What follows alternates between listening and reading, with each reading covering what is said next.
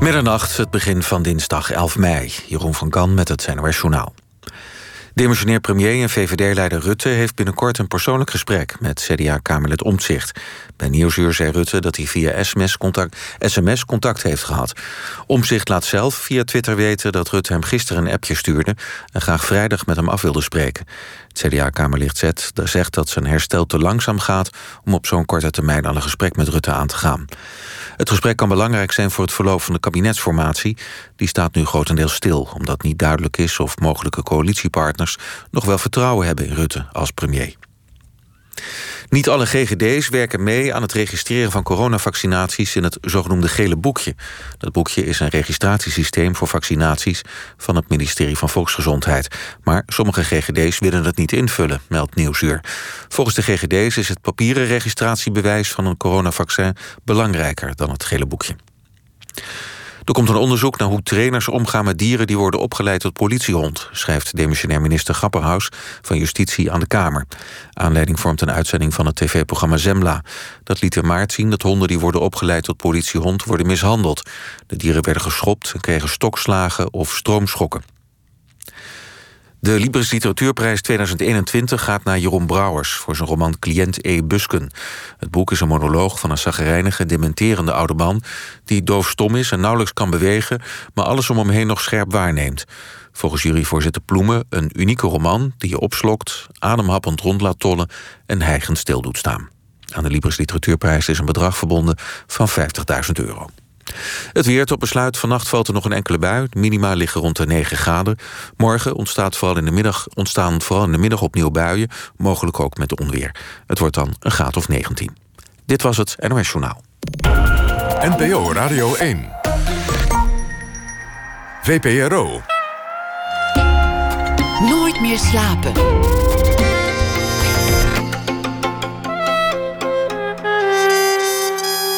Met Pieter van der Wielen. Goedenacht en welkom bij Nooit meer slapen. Normaal gesproken is dit de avond waarop we vanuit het Amstel Hotel in Amsterdam uitzenden. De Libris Literatuurprijs is dan zojuist uitgereikt met een statig diner erbij. Dat is allemaal ook wel gebeurd vanavond. Die prijs is feestelijk als kon uitgereikt. Met een hommage vanuit Felix Meritus aan de literatuur en aan de zes genomineerden. Cliënt E. Busken van Jeroen Brouwers kreeg de prijs toegekend. Het was tijdens een kort verblijf in een verpleeghuis dat de inmiddels 80-jarige schrijver inspiratie opdeed voor wat hij zelf zegt, vermoedelijk zijn laatste boek. De duistere tegenhanger van het dagboek van Hendrik Groen. Marcel Proust meets One Flew Over the Cuckoo's Nest. Een man komt terecht in een verzorgingshuis, voelt zich daar opgesloten, zijn leven is geleefd. Van zijn status is niets meer over. De lezer wordt deelgenoot van zijn innerlijke monoloog, waarbij de verteller zelf steeds minder betrouwbaar lijkt. De schrijver zelf kon niet bij de uitreiking zijn. Niemand minder dan acteur Gijs Scholte van Aschat. Die nam de honneurs waar met een voorstelling van het boek. Die heeft hij gemaakt. En hij droeg een eh, stuk voor en hij is hier komend uur te gast. Gijs Scholte van Aschat is een eh, vaste speler bij ITA, een van Nederlands bekendste acteurs. Zijn eh, bewerking van cliënt E. Busken wordt geregisseerd door Maria Kraakman en zal te zien zijn vanaf september. Gijs Scholte van Aschat is geboren in 1959. Gijs, welkom. Dank dat je gekomen bent. Dankjewel, Pieter. Wanneer, wanneer las je dit boek? Want ja, het is toch nog niet zo'n oud boek. Hoe, hoe kwam het op je pad? Ja, ik ik las erover in de krant. Ik dacht, het is interessant. Ehm, eh, en Brouwers is natuurlijk een geweldige schrijver. En ik had het jaar daarvoor een voorstelling gemaakt uh, met, bij ITA... met uh, Michiel van Erp, het hout van hem. En ik, ik hou erg van zijn taal. Um, dus ik dacht, nou, ben ik wel benieuwd naar. En toen ben ik het gaan lezen uh, voor de zomer vorig jaar. En ik dacht, ja, opeens dacht ik, je, zit echt wel een, voorstelling in, een monoloog. Uh, en toen uh, heb ik de uitgeverij gebeld en gevraagd of ik een optie kon hebben op de rechten. En dat hebben ze me gegeven. En toen ben ik een paar keer gaan lezen en vast een beetje gaan strepen en doen. En, en toen heb ik op Amsterdam Vita gebeld en gezegd tegen Ivo: luister eens, dit plan heb ik. Wat vinden jullie daarvan? Uh, en dat duurde even. En uiteindelijk, uh, toen uh, de uitgeverij me belde van... luister het is nu ja of nee, want er zijn kapers op de kust. Andere mensen die het willen doen. Toen zei Ita, nou, ga, ga, het maar doen. En toen kwam Miss Rona, corona. En ja, toen had je ook ineens de tijd om, om aan die voorstelling te gaan zitten werken. Ja, nou, die, die corona was er al, eerlijk gezegd. Dus ik, ik was al, ik was eigenlijk met iets anders bezig. Ik was iets anders aan het schrijven, totdat dit boek kwam. En toen dacht ik, ja, dit, dit is nu wel de, de, de, tijd om, om, om dit te gaan bewerken, ja. Het hout waar je eerder een, een bewerking van maakte. Gaat nou, ook... ik, ik, ik, heb geen bewerking van gemaakt. Ik heb erin gespeeld. Oh ja, maar, maar dat, dat gaat ook over iemand die zit opgesloten in een soort, een soort instituut, in een, in een internaat. Ja. Is in veel, veel boeken van Jeroen Brouwers een thema opgesloten zijn? Ja, in een wereld waar je uit wil, maar niet kan. Of ja, waar je op een of andere manier ingehouden wordt. En de bespiegelingen daarover. Ja. En daarom vond ik dit ook zo'n mooi thema voor zijn boek. Dat, dat hij heeft geloof ik één week zelf in een verpleeghuis gezeten, las ik in de krant. En in die ene week dacht hij, ja, dit, dit, wordt, mijn, dit wordt mijn boek. Ja, Misschien wel mijn laatste. Ja, en hij heeft ook iemand die die kende, die die opzocht daar. En dan, eh, dan, dan kwam de hel over hem heen, zei hij. Ja.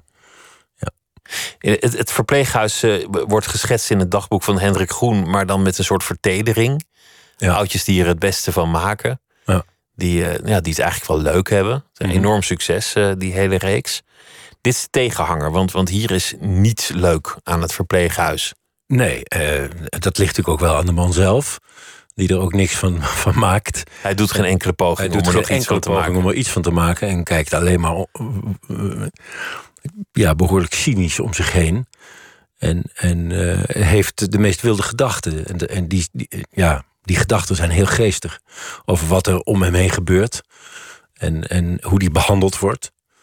Um, en uh, ja, hij schetst die wereld uh, onnavolgbaar en uh, ja, treffend, maar ook heel hard. Ja. Maar, maar ja, zoals Brouwer schrijft, het is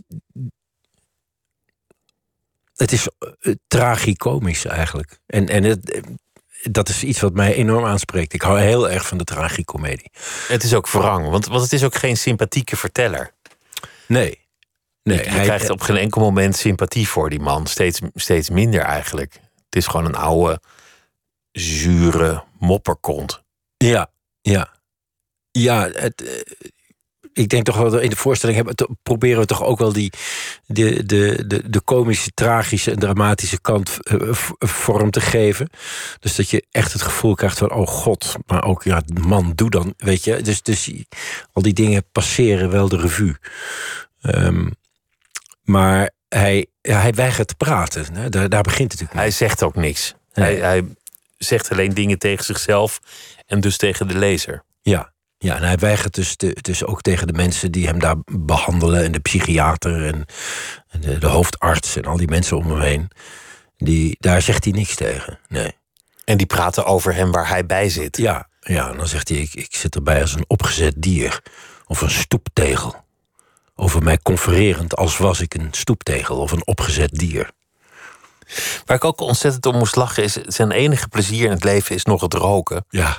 Maar ondanks dat hij duidelijk aan het einde van zijn bestaan zit, op weg naar de uitgang, wordt hem dat nou nog net niet verboden. Maar zijn gezondheid is wel een permanente bron van zorg voor het verplegend personeel. Ja. Ook al heeft hij helemaal geen zin meer in dat leven. Nee, nee hij moet dat leven nog, einde. Ja, hij snakt naar het einde, maar het leven moet toch nog gerekt worden. Ja, ja daar verzet hij zich heftig tegen. Ja, ja hij snakt naar uh, een pond slaapmiddelen, zegt hij zelf insuline, morfine, een pond slaapmiddelen. Maak er maar gewoon een einde aan. Maak er maar gewoon een einde aan. Wakker worden is wat mij betreft niet meer nodig. het, is ook wel, het is ook wel herkenbaar, moet ik zeggen, dat, dat alle status, alle verschillen opgeheven worden aan het einde van het bestaan. In zo'n bejaardenhuis maakt het eigenlijk helemaal niet meer zoveel uit wie je was. Nee, zeker niet. Nee. Uh, dat, ja, ik, ik, ik, ken het. Mijn vader heeft in Amsterdam uh, uh, tot op hoogte leeftijd daar, daar ook in gezeten. Licht dementerend. En, ehm, en, en, en zoals in dit boek hij iemand heeft die eh, met hem samen optrekt. Mineke Kalkbrander. Uh, die altijd tegenover hem gaan zitten. Uh, en, en eigenlijk doet alsof zij de partner is van deze man. Had mijn vader ook zo iemand die, die, die eigenlijk constant bij hem was. en dat was heel raar om te zien. En, en, en die soort vriendschap, maar toch ook niet echt. Ja, maar die hadden het wel goed samen. En, en die vrouw was ook wel in de war. mijn vader was uh, aanspreekbaar, die wist nog wat ik deed en dat ik acteur was en speelde. En alleen vond hij het dan heel moeilijk om.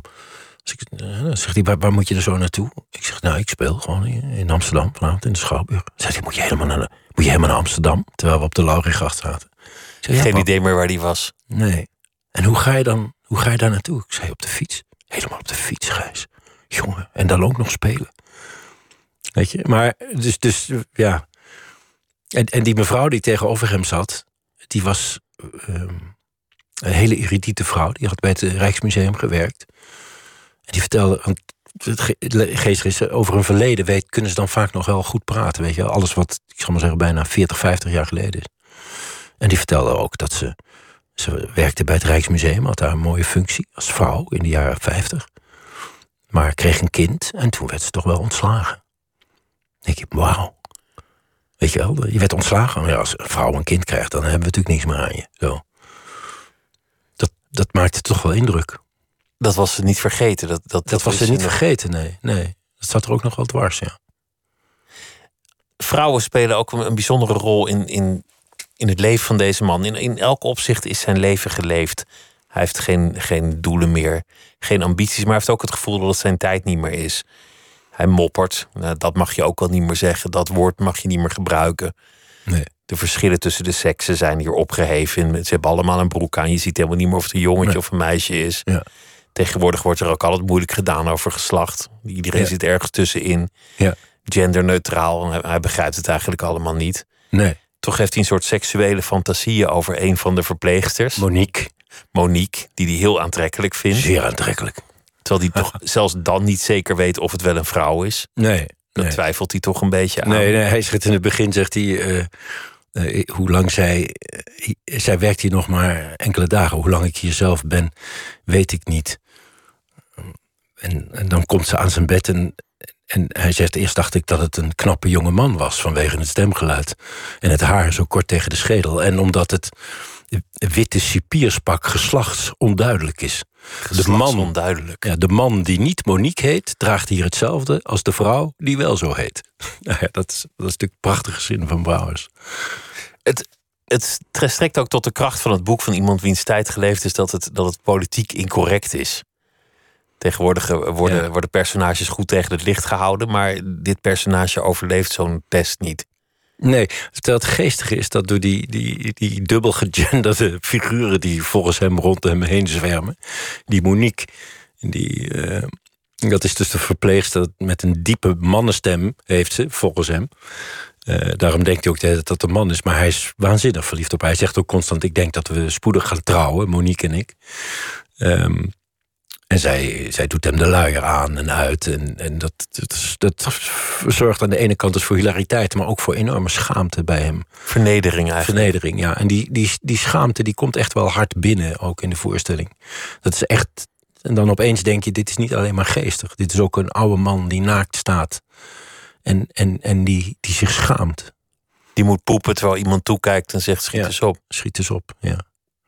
Eh, en, en, en hij heeft fantasieën over die Monique, maar op het eind van het, van het boek denkt hij ook opeens dat het een man is. En dan, en dan zegt hij, ach man en vrouw, het maakt mij eigenlijk helemaal niet uit. En, en dat, dat is dan weer, dan stapt hij eigenlijk door alle grenzen van de gender, van de gender heen. Dan zegt hij, ach, het maakt ook allemaal niet uit, man en vrouw. Hij schept op over wie die geweest is. Ja. Hoe belangrijk die was, dat hij een Zeker. intellectueel was. Hoe belezen hij was, eh, wie die allemaal gekend heeft. eh, hoe ver hij het in het leven geschopt heeft. En gaandeweg het boek wordt dat steeds onbetrouwbaarder. Krijg je, op een gegeven moment krijg je toch wel door deze verteller... daar kan ik helemaal niet in meegaan. Nee. Die, die, eh, ja, die heeft het allemaal niet meer op een rijtje. Maar dat, Nee. dat maakt het juist zo'n prachtige vertelling. Dat je de verteller helemaal niet kan vertrouwen. Nee, dat is eerlijk gezegd. Eh, Als ik kijk naar de voorstellingen die mij aan het hart liggen, dan gaat het altijd over schijn en werkelijkheid. Over de onbetrouwbaarheid van het verhaal. De Over fantasie die erin sluipt. Ja, wat is waar, wat is niet waar? Wat zie je? Is dat, is dat zo of is dat niet zo? Is iemand echt of is iemand niet echt? Ehm, en, en, en, en dus word je als kijker ook op de proef gesteld. Dat is natuurlijk altijd, vind ik altijd goed, omdat je Eh, Als kijker moet je daardoor ook je eigen mening gaan vormen en denken, maar hm, is dat nou wel zo? Of hoe zit dat? Hoe zit dat precies? In plaats van dat, dat het je allemaal uitgelegd wordt. Waar- waarom spreekt het eigenlijk zo aan als, als iemand een beetje liegt? Of een beetje fantaseert of er iets van maakt? Ja, ik weet het niet. Ik denk, als ik, nou, als ik, als ik het op mezelf betrek. Ik hou wel van verhalen vertellen, of die ik gelezen heb, of eh, die ik meegemaakt heb. En dan heb ik toch ook altijd de- neiging om dat verhaal zo te vertellen dat het in ieder geval voor de luisteraar aantrekkelijk is om het te horen. En dan, en dan doet de waarheid er niet zozeer toe als, als, als het maar een goed verhaal is.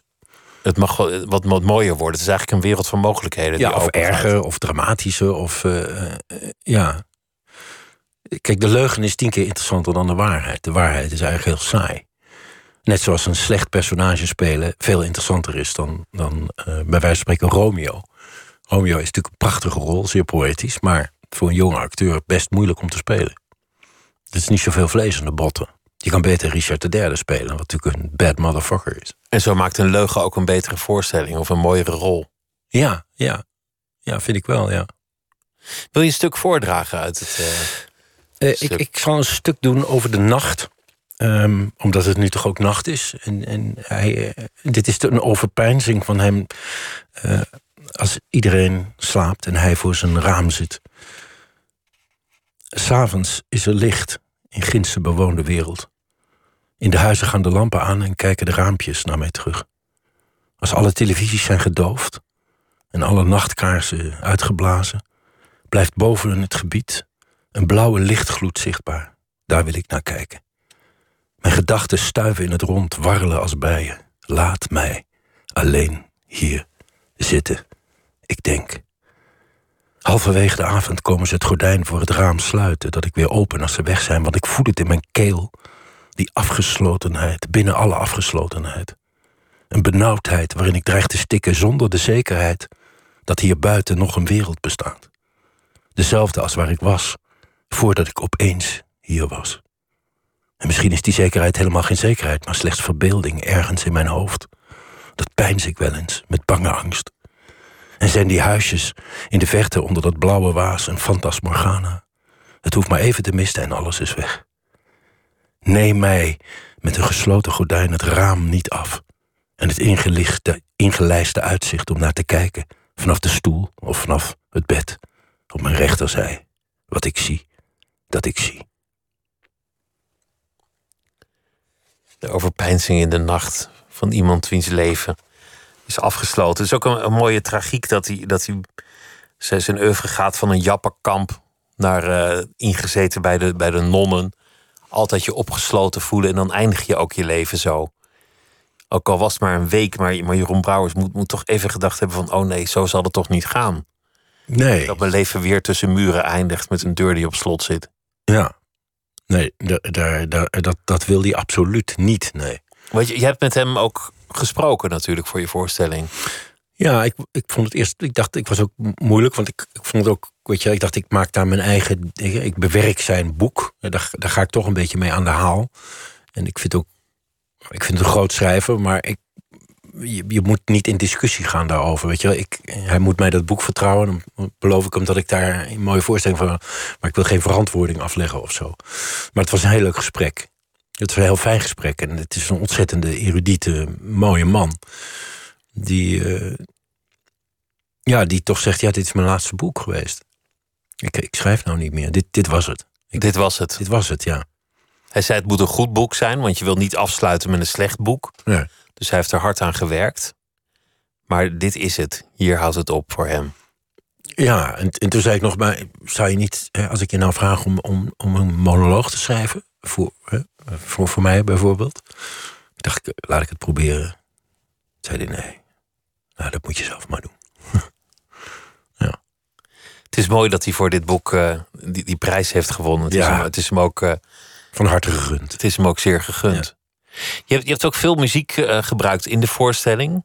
Ja. Om, want dit is eigenlijk ook het, boek is ook een beetje een soort cognac. Je moet het niet in één keer achterover. Uh, nee, dat had ik toen ik het las. Ik dacht er meteen, er moet muziek bij. Maria Kraakman heeft het uh, geregisseerd. Een actrice bij ons, bij ITA. De eerste professionele regie. Ze heeft al wel veel andere regies gedaan op scholen, met studenten en zo.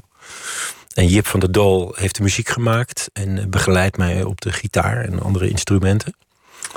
Ze hebben met z'n drieën dat gemaakt. En ik had een lijst met nummers gemaakt en Jip had wat nummers. En ja, om, om die melee van woorden en gedachten te doorbreken, hebben we af en toe uh, muzikale nummers. We gaan luisteren naar een van de stukken die je gebruikt hebt. Een beetje uit de, de jeugd van, uh, van het personage Crosby, Stills, Nash Young. Ja.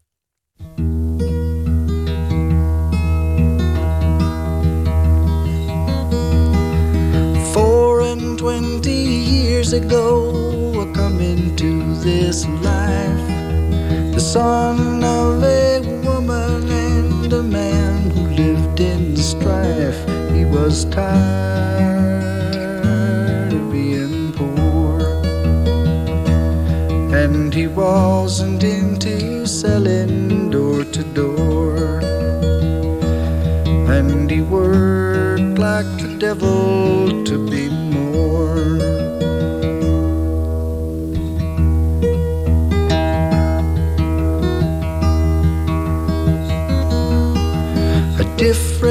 kind of poverty now upsets me so.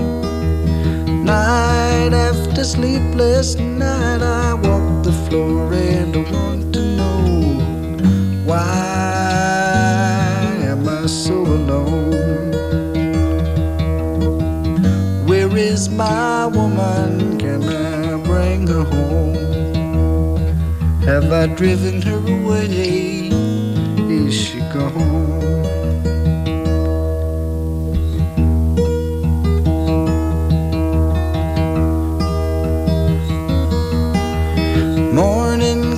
Sunrise, and I'm driven to my bed. I see that it is empty, and there's devils in my head. I embrace the many colored beast. I grow weary of the torment. Can there be no peace? And I find myself just wishing my life cease. Crosby, Stills, Nash Young. En het uh, is een liedje dat voorkomt in de voorstelling van Gijs Scholt van Aschat. Cliënt E. Busken, naar het uh, boek van Jeroen Brouwers... die daarvoor vandaag de Libris Literatuurprijs won. En Jeroen Brouwers die kon niet meer naar Amsterdam komen op zijn leeftijd in zijn conditie. Maar uh, kreeg een hommage van Gijs Scholten van Aschat, die uh, dit uur mijn gast is. Een boek over het einde van het leven. Dat je leven voorbij is geleefd. Dat je afscheid moet nemen van je grandeur, je status, je waardigheid. Is dat eigenlijk voor jou een angst? Oud worden op die manier? Eindigen ergens? Ja, absoluut, ja. Ik had een try-out en daar kwam mijn zoon kijken. En uh, daar was ik me ook wel bewust van, dat, dat mijn zoon daar zat. Uh, en omdat het toch ook gaat over onttakeling. En dat, dat, dat, daar ga ik vol in, zal ik maar zeggen. En ik dacht ook uh, tijdens het maken heel erg aan mijn eigen vader die daar zat. En ik dacht, jezus, ja, weet je, nou, ik speel dit en ik denk aan mijn vader. En mijn zoon komt kijken. En, en, en straks Zit, zit je daar? Zit ik daar en dan komt hij op bezoek en zegt hij: Hey pap. Dan zeg ik: ja, moet, je, moet je spelen vanavond? Weet je, hij is ook acteur. Reinoud was Reinoud, ja. ja. Nou ja, dan, dan denk ik: Jezus, ja, misschien. Ja, eindigt het zo. Ik ken ook mensen die beweren dat ze, dat ze middelen verzamelen om het te voorkomen. De dag dat ze je komen halen, dat je dan uh, met, met een uh, glas van het een of ander iets achterover klokt om het meteen afgelopen te ja, laten zijn. Ja, ik, ik ben nog niet zo ver om daarover na te denken. Gelukkig nog niet, want je, je bent nog jong. Relatief. Nou ja. Ja, je bent nog niet, niet, niet op, op die leeftijd. Nee, nee precies. Maar het, het, heeft ook te maken met afscheid kunnen nemen. Dat, dat, je, dat je bepaalde ambitie loslaat of, of status loslaat of, of uh, bepaalde vrede krijgt met, met, met dingen. Ja. Over het algemeen is het eigenlijk helemaal niet waar dat mensen ouder, wijzer, milder worden dat moet je maar afwachten. Heel veel mensen worden gewoon zuurder en vervelender naarmate Ja. ze ouder worden. Kribbiger en Kribbig. kort aangebonden en kunnen en dingen, ja. ja Alles ja. is stress. alles is stress, ja. Ik zie het eigenlijk maar zelden dat mensen echt leuker worden met de jaren. Ik vind jonge mensen over het algemeen leuker. Ja, mijn god, wat een, wat een, eh, wat een ellendig gesprek. De analyse is Ja. dit.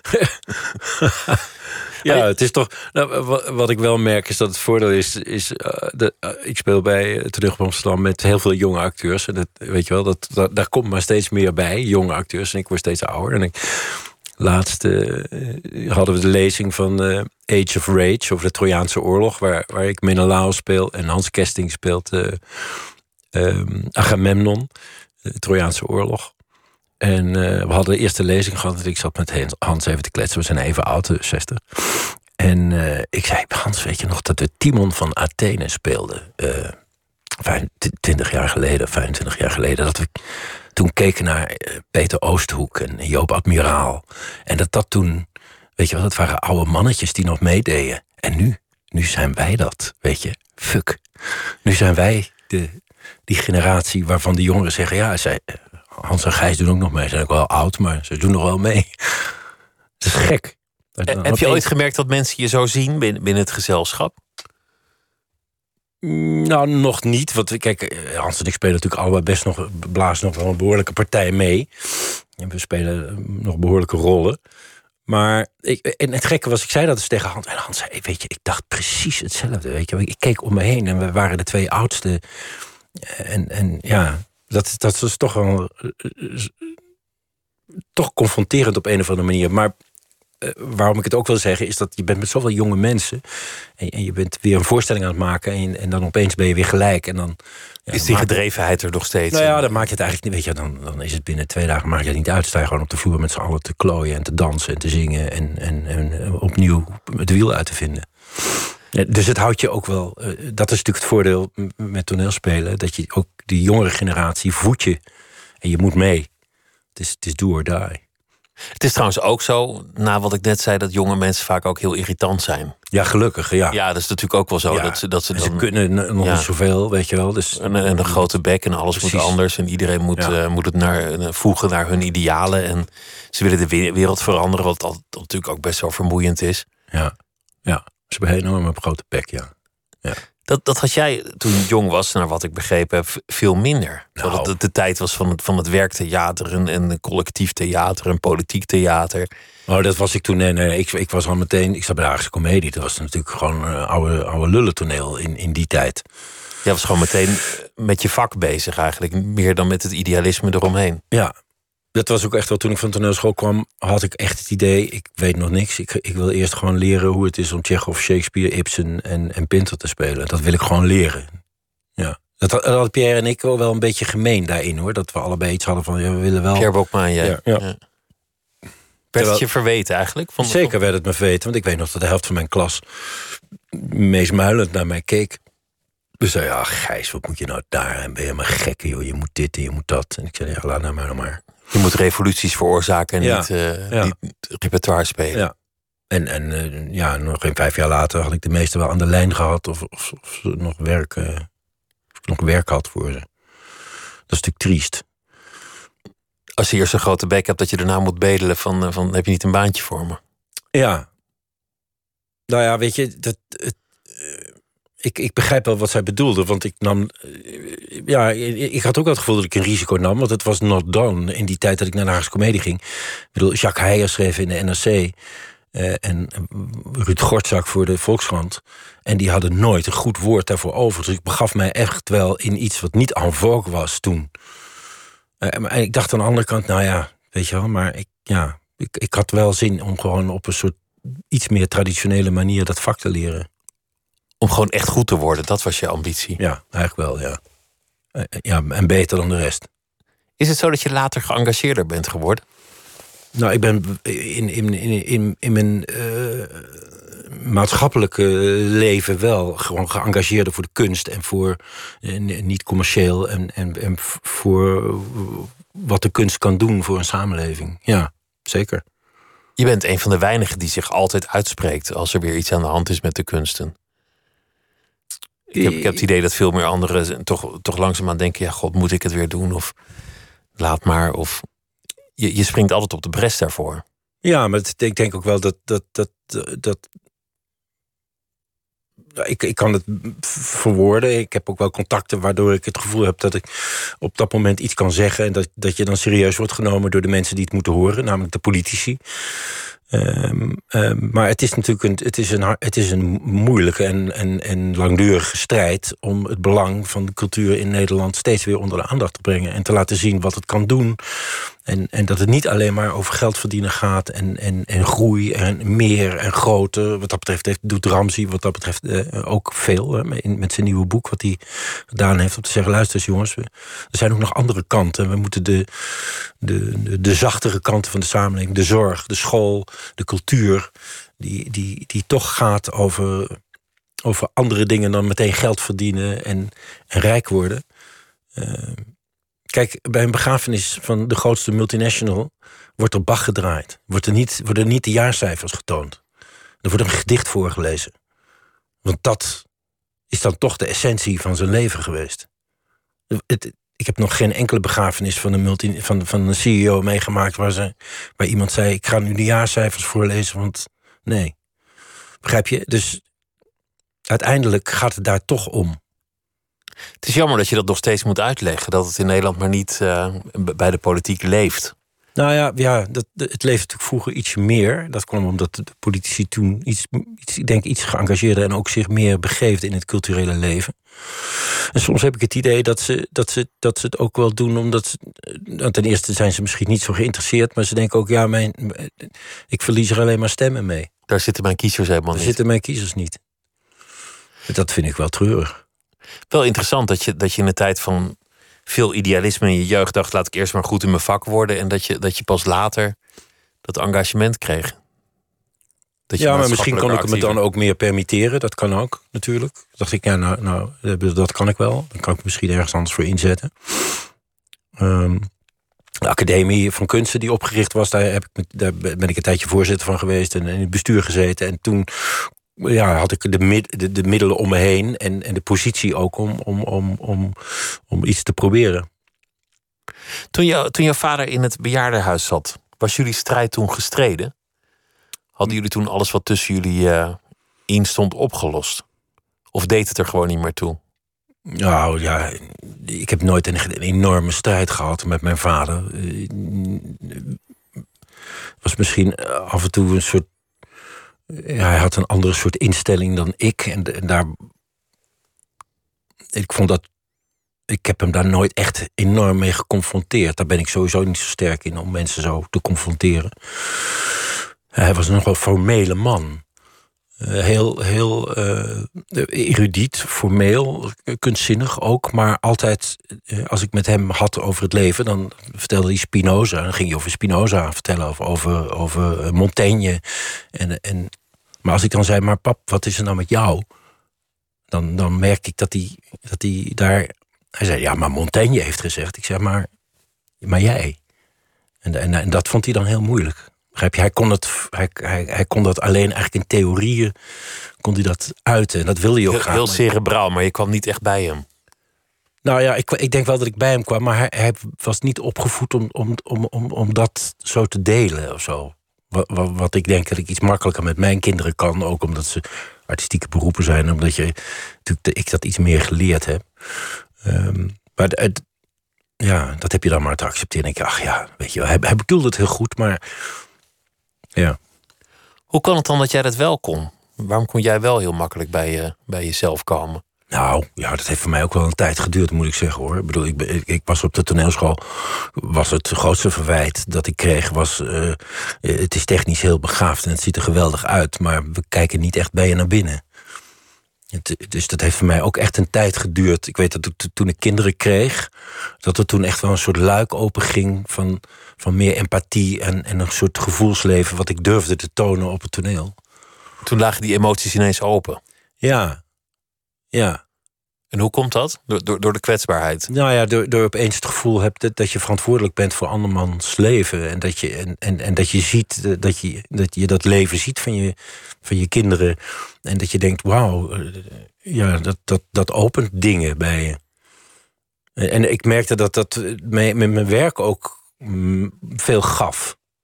Eigenlijk. Die, kwets, wat- die kwetsbaarheid dan.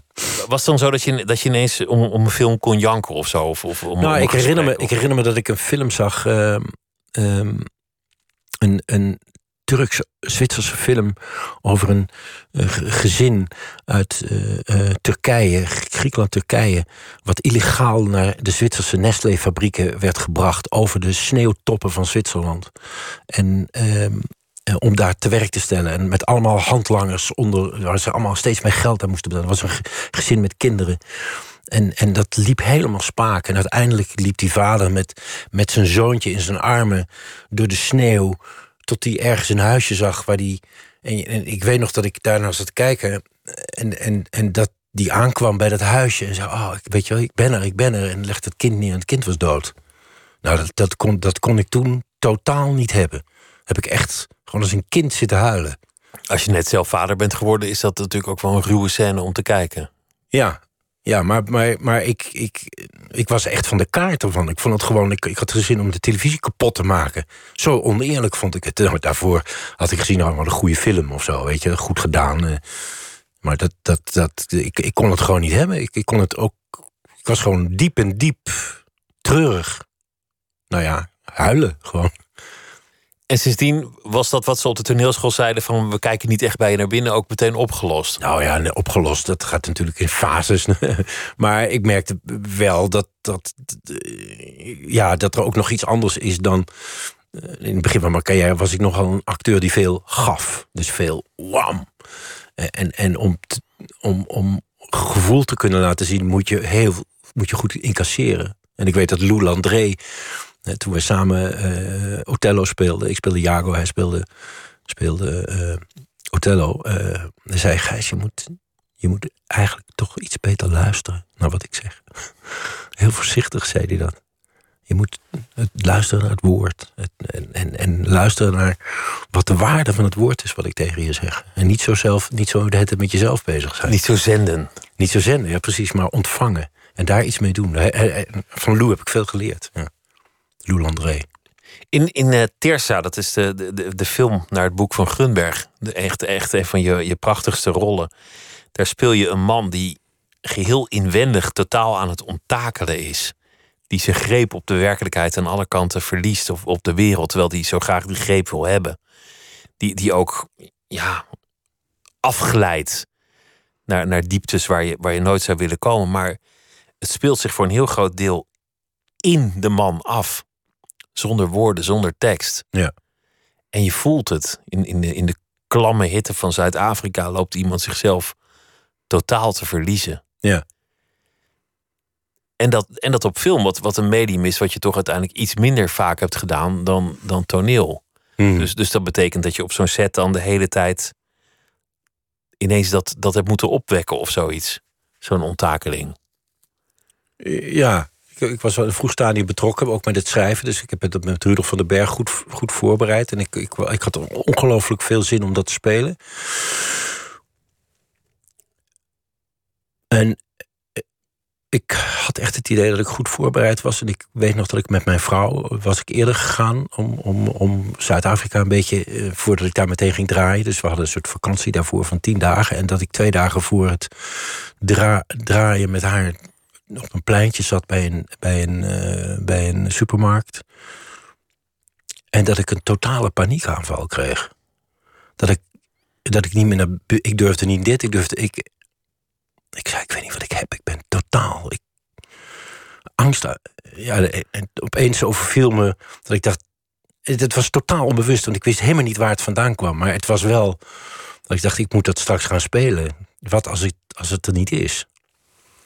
Het was er gelukkig wel, maar het was echt een soort. eh, ik, ik, dacht dat ik, ik dacht echt, ik krijg een hartaanval. Ik weet niet wat ik heb. Ik, ik, ik, ik, ik moet naar een dokter. Ik ben ook naar een dokter gegaan toen. Dat is wel goed voor die rol. Om, om in die stemming te beginnen van totale paniek en ontreddering. En het idee dat je sterft. Ja, ja, ja. Past, ja, eigenlijk past wel. bij, bij de rol. Ja.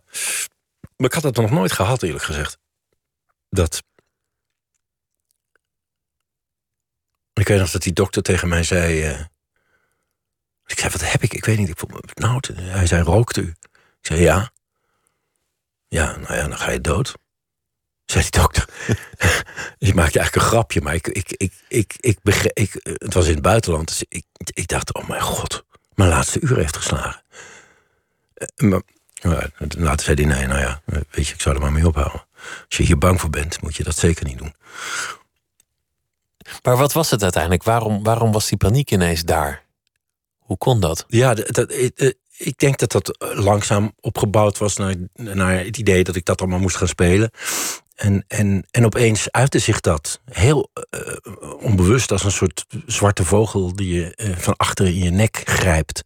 En je weet niet waar het vandaan komt, je weet niet. Maar het was natuurlijk toch angst. Aan het eind gaat, gaat dat personage in Teersa met een, een veel te jong meisje naar bed. Nou, nou, nou, nou, ho, ho, wacht even. Hij, hij ontfermt zich over, over een zwerfmeisje eigenlijk. Een substituutdochter voor hem. En, en, ze slapen in één bed. Hij gaat niet met haar naar bed. Nee, hij gaat niet. Maar goed, het is, het is een, een heel. Het is een precair moment. Precair moment, ja. Ja, het, ja, maar het, is, het, is, het, het heeft niets. Het, je kan het seksueel interpreteren, maar zo is het niet.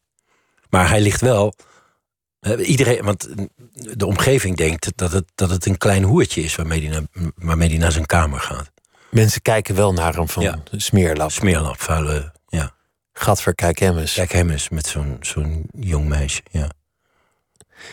Je had het eerder over dat de leugen beter is om te spelen. En zo is het natuurlijk ook dat een, een personage dat, dat afgeleid leuker is om te spelen. Ja. In dat boek van Brouwers, de verteller is niet sympathiek, maar, maar die deugt ook niet.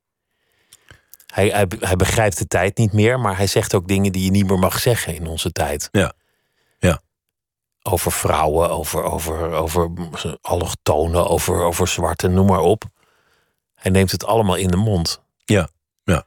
Het is natuurlijk bij de toneelwereld ook wel echt aan de hand dat, dat, dat elke voorstelling tegen het licht wordt gehouden. Ja, zeker. Ja. Heb, je, heb jij dat gevoel wel eens dat je denkt, nou, ik kan eigenlijk helemaal niet meer meekomen hierin? Ik, ik... Ehm, nou, de, de- ja, er zijn wel dingen waar ik me over verbaas. En, en, en, en die ik moeilijk vind. eh, eh, over, over eh, dat je in de kunst dingen aan de kaak moet stellen. En, en, en moet kunnen uiten. En dingen moet zeggen die niet kunnen. Juist om mensen in verwarring te brengen. Eh, kunst moet natuurlijk niet behagen alleen maar. Kunst moet schuren. En, en, en moet af en toe een, klap in je, een trap in je ballen zijn. Eh, en, en, en dat, je kan niet de hele tijd afgerekend worden op, de, op wat iedereen vindt dat moet. Of moet kunnen. En zeker een personage niet. Een personage moet vol tegen alle mores in kunnen gaan. Ja, zeker. Ja, Door en door slecht kunnen zijn of Ja. afstotelijk ja. Ja dat, dat vind ik ook. Ja, en gruwelijk. ja en, en, en, en ja, inderdaad, afstotelijk. Zeggen, hier ben ik het niet mee eens. Juist, kijk, eh, alle grote klassieke schrijvers hebben figuren gemaakt. eh, Richard III bij Shakespeare. Ja, die vermoordt gewoon twee kinderen. En waar je bij staat, letterlijk. En hij laat het ook nog zien op het toneel. Ik denk niet dat Shakespeare het daarmee eens was. Ik denk ook niet, hè, op, in dat moment in het stuk... denk je ook echt, nou, nou, ga, nou ga je echt te ver. En dat doet hij natuurlijk wel met een reden. Om te laten zien wat macht met iemand kan doen. En, en, eh, en dat zijn goede dingen, vind ik, om te laten zien. Hoe ver iemand kan gaan. Ehm, En als het allemaal netjes binnen de lijntjes is, dan voel je het niet. Dan, Nee. dan komt het niet over. nee. En, en, en je, kijk, als je Hannah Arendt leest, die, die, die de meeste mensen natuurlijk wel gelezen hebben, dan weet je natuurlijk dat, dat niemand daaraan ontkomt. Eh, aan, aan de slechtheid in de mens. Die, die zit in principe. In iedereen zit in, zit in Jezus Christus en in Hitler. Het is maar net in welke omgeving, in welke knoppen erop gedrukt worden, wat er naar buiten komt. En ik denk wel dat je dat altijd in, in de kunsten moet kunnen laten zien om, om de mensen een spiegel voor te houden. Te zeggen, ja, zo kan het ook, of zo kan het ook. Het is niet alleen maar entertainment natuurlijk.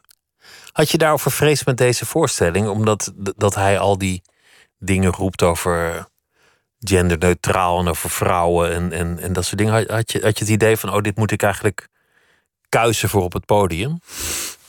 Nou, Ja, ik, we heb, ik heb wel een weg gekozen waar, waarin de vrouwen enorm veel uh, uh, uh, een rol spelen rond hem. En dat zijn allemaal verschillende soorten vrouwen. En daar reageert hij allemaal verschillend op. Maar zoals ik zei, hij op het eind zie je eigenlijk aan hem ook dat hij in de war raakt van die gender, die hele genderdiscussie. Dat, en, en, en, en dan geeft hij ook eigenlijk toe dat het hem helemaal gereed uitmaakt. Begrijp je? Dus hij, hij wordt verliefd op een vrouw en in zijn fantasie verandert die vrouw in een man. En dat wint hem enorm op. Dus eigenlijk laat hij daarmee zien dat al die opmerkingen eigenlijk onschadelijk zijn. Omdat hij, omdat hij er zelf eigenlijk ook een beetje de weg kwijt is daarin. En dat vind ik heel mooi. En het heeft de functie in het boek om te laten zien dat die man gewoon geen greep meer heeft op, op het heden.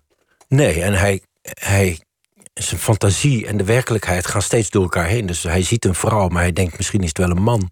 En ik ben verliefd op die vrouw, maar als de man is, ben ik ook verliefd op hem. Want wat maakt mij het uit of het een of een man of een vrouw is. Ik hou van dat wezen. En, en eigenlijk is hij daarmee dan weer heel modern. Dat vind ik er heel mooi aan. Als jij zo'n paniekaanval kan hebben, is het dan ook zo dat je, dat je je opgesloten kunt voelen eigenlijk? Is dat iets dat in jouw leven speelt, de angst om vast te zitten?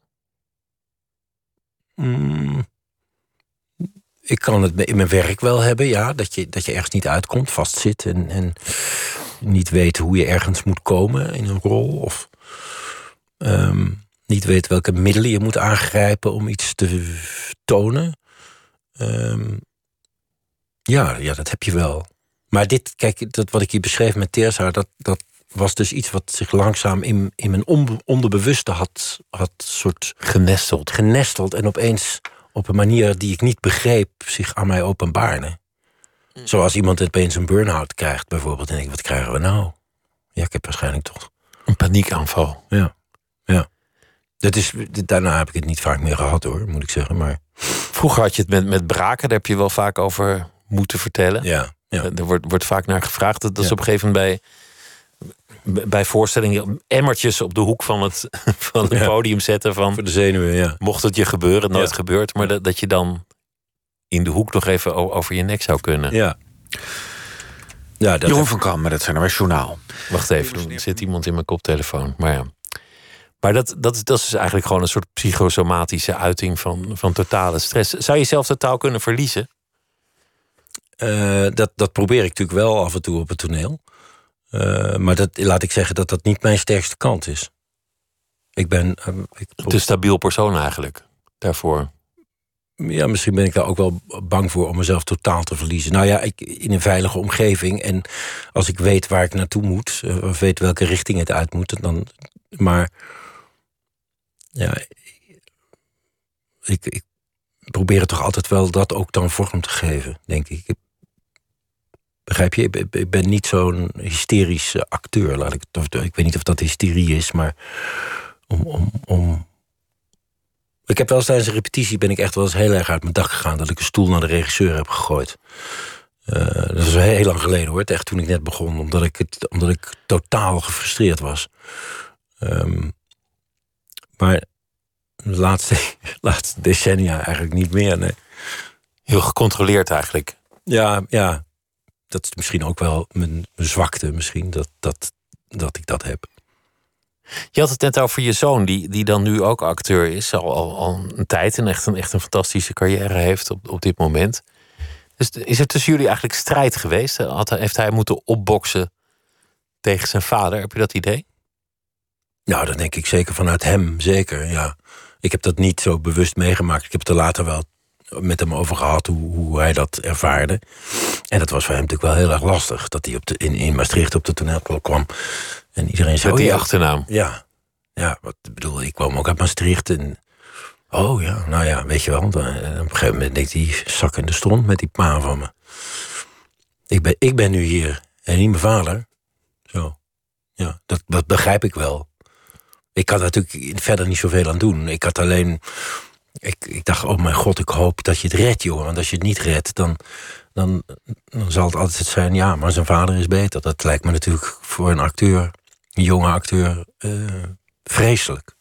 Dat wordt een soort last als je, als je een beroemde achternaam hebt, maar je hebt het zelf niet, niet ver geschopt. Ja, dat is dat, dat- ja, dat, ja, en dat gebeurt.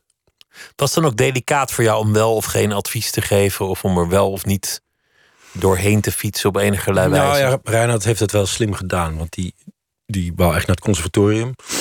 Eh, en toen mm, zei hij, nou, ik wil toch filmacademie gaan doen. Maar zei hij, papa, als ik nou filmacademie ga doen... dan is het wel goed om goed te weten wat acteren is. Dus ik ga eh, gewoon even naar de toneelschool, maar om, om een beetje onderzoek te doen. En, en daarna eh, ben ik dan klaar om regie te gaan doen. En toen zat hij eenmaal op de toneelschool. En toen is hij er niet meer afgegaan. Dus ik dacht steeds, ah, hij gaat toch wel naar de... Weet je wel, dus, dus voordat ik het wist was hij eigenlijk acteur. Heb je soms het idee dat hij dan een soort opvolger is voor jou? Nou, weet je, de tijd is zo anders. Ik ben echt van, van een andere generatie. De acteurs die nu van de toneelschool komen zijn maker, muziek. Hij is maker, muzikant. Hij, hij, hij, speelt heel veel instrumenten. Hij is echt een ander soort acteur dan ik. Hij heeft een andere opleiding, ander, heeft een collectief met elkaar gehad. Hij, ehm, en ik ben nog een beetje oldschool. Dus, en hij gaat echt een hele andere weg. Dus, dus dat, dat vind ik alleen maar heel leuk om te zien. En ik heb niet het gevoel dat wij enorm in elkaars. Kijk, we hebben het natuurlijk wel als we. We hebben het wel over, over het vak. Eh, maar dan ah, voornamelijk over hoe bereid je op een rol voor. En hoe ga je een tweede voorstelling in. En, en wat is je mentale. Eh, hoe, hoe, hoe vermijd je al de valkuilen van, van acteurs. Hoe, eh, het herhalen, dat is de grootste valkuil. Hoe ben je elke avond weer in het nu? Dat is de grootste uitdaging. En ook de grootste vreugde. Het herhalen, je bedoelt dat je, dat je zo'n voorstelling af gaat draaien. Ja, ja. En, en, en dat is iets wat ik, waar ik het meeste vreugde de afgelopen jaren aan, aan gehad heb. En, en, en wat ik geleerd heb ook. Is, is, is om echt in het nu te zijn. En niet meer bang te zijn om, om iets fout te doen. Dus, dus, dus de- zoektocht is belangrijker dan het resultaat. En dat geeft me veel meer vrijheid. Juist dat je denkt, het hoeft niet perfect te zijn. Ik hoef niet de beste te zijn. het hoeft niet feilloos, technisch perfect te Nou ja, zijn. dat, dat het zoeken het interessantste is. En niet het vinden. Het kijken naar iemand die zoekt is, is interessanter dan naar iemand die iets vindt. Begrijp je wat ik bedoel? Het zoeken, het, het, het, het, het tasten, het niet weten en, en, en proberen het te, te, te vorm te geven. En, en, dat- en dat sta ik mezelf toe. En dat lukt me niet altijd. Maar, maar dat is wel iets waarnaar ik streef. Dus dan heb je ook een soort gerustheid dat het wel goed komt als je daar staat. Als je dat Nou ja, aandurft. eh, gerustheid ook, maar ook een gerustheid dat als het een keer niet goed gaat, dat dan niet er iemand staat die zegt: Gijs, je bent een hele slechte acteur. Je hebt gefaald. Wat ik natuurlijk vroeger misschien iets meer had. Dat zullen ze nu niet meer zeggen. Nou, misschien, ja, misschien zullen ze het zeggen en dan zeg ik: Ja, het ging inderdaad helemaal niet goed vanavond. Maar ik, ik, ik zocht het helemaal verkeerd waarschijnlijk. Hooguit komt de dag dat iemand zegt... vroeger was dat een hele goede acteur... maar die laatste voorstelling... Zo, Ja. zo gemeen zou iemand nog kunnen worden. Ja, ja dat zou kunnen, ja.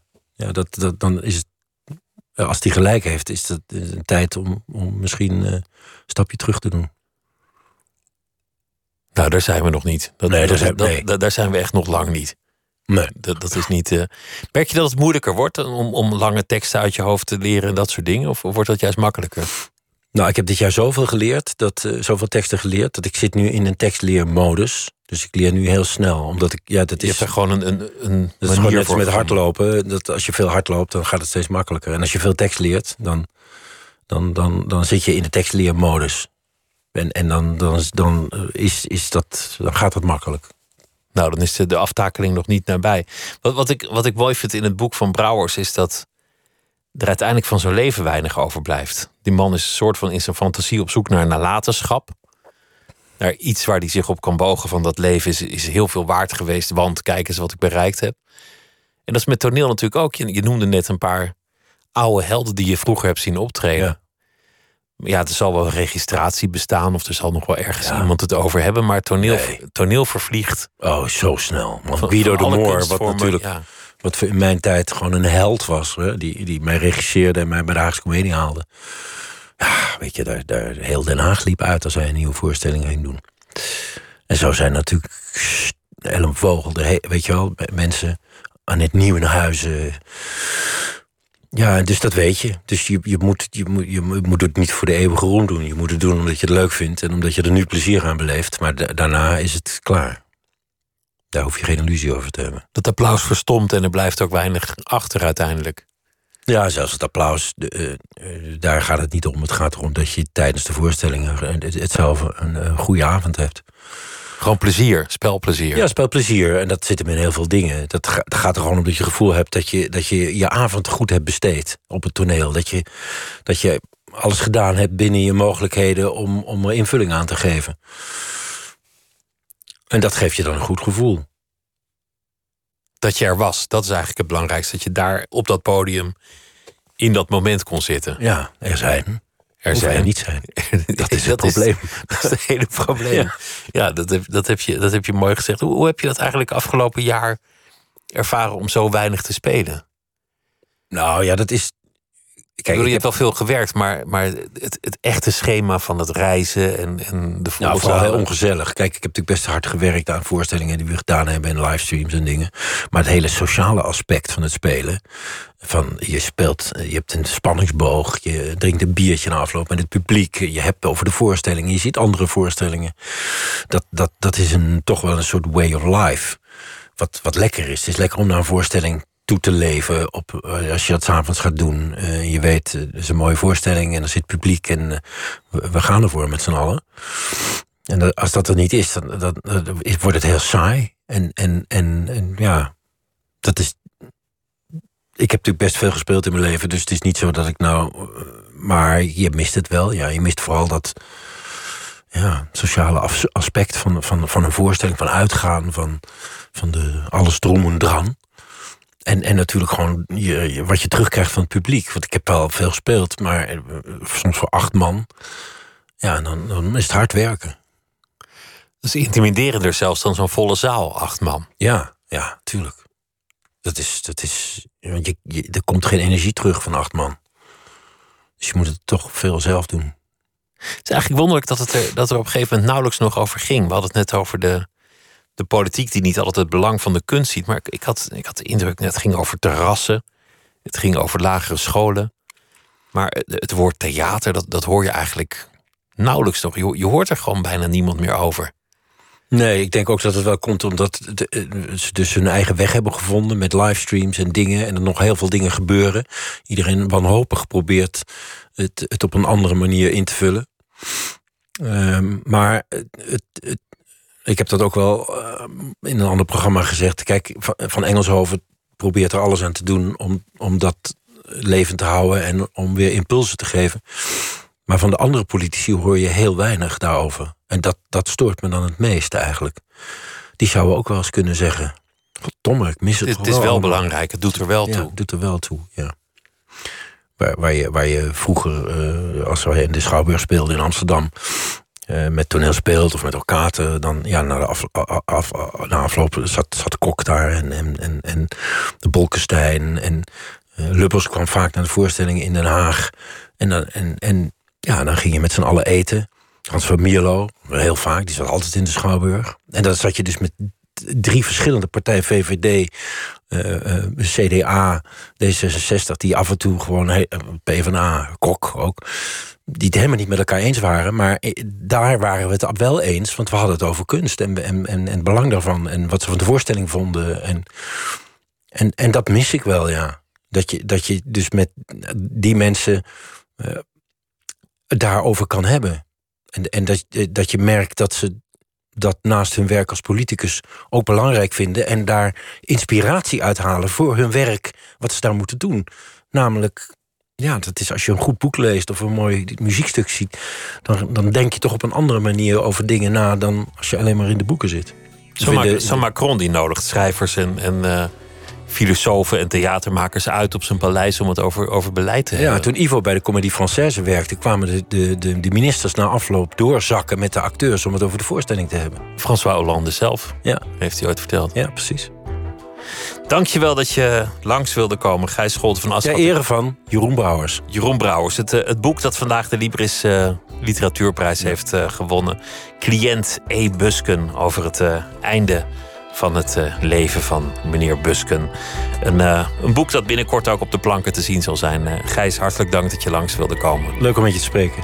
En dit was Nooit meer slapen voor eh, deze nacht. En morgen zijn we er weer. Zometeen Miss Podcast. Goeienacht. Tot morgen.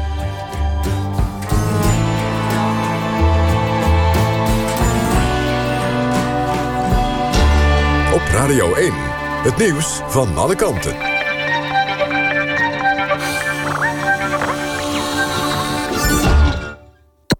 NPO Radio 1.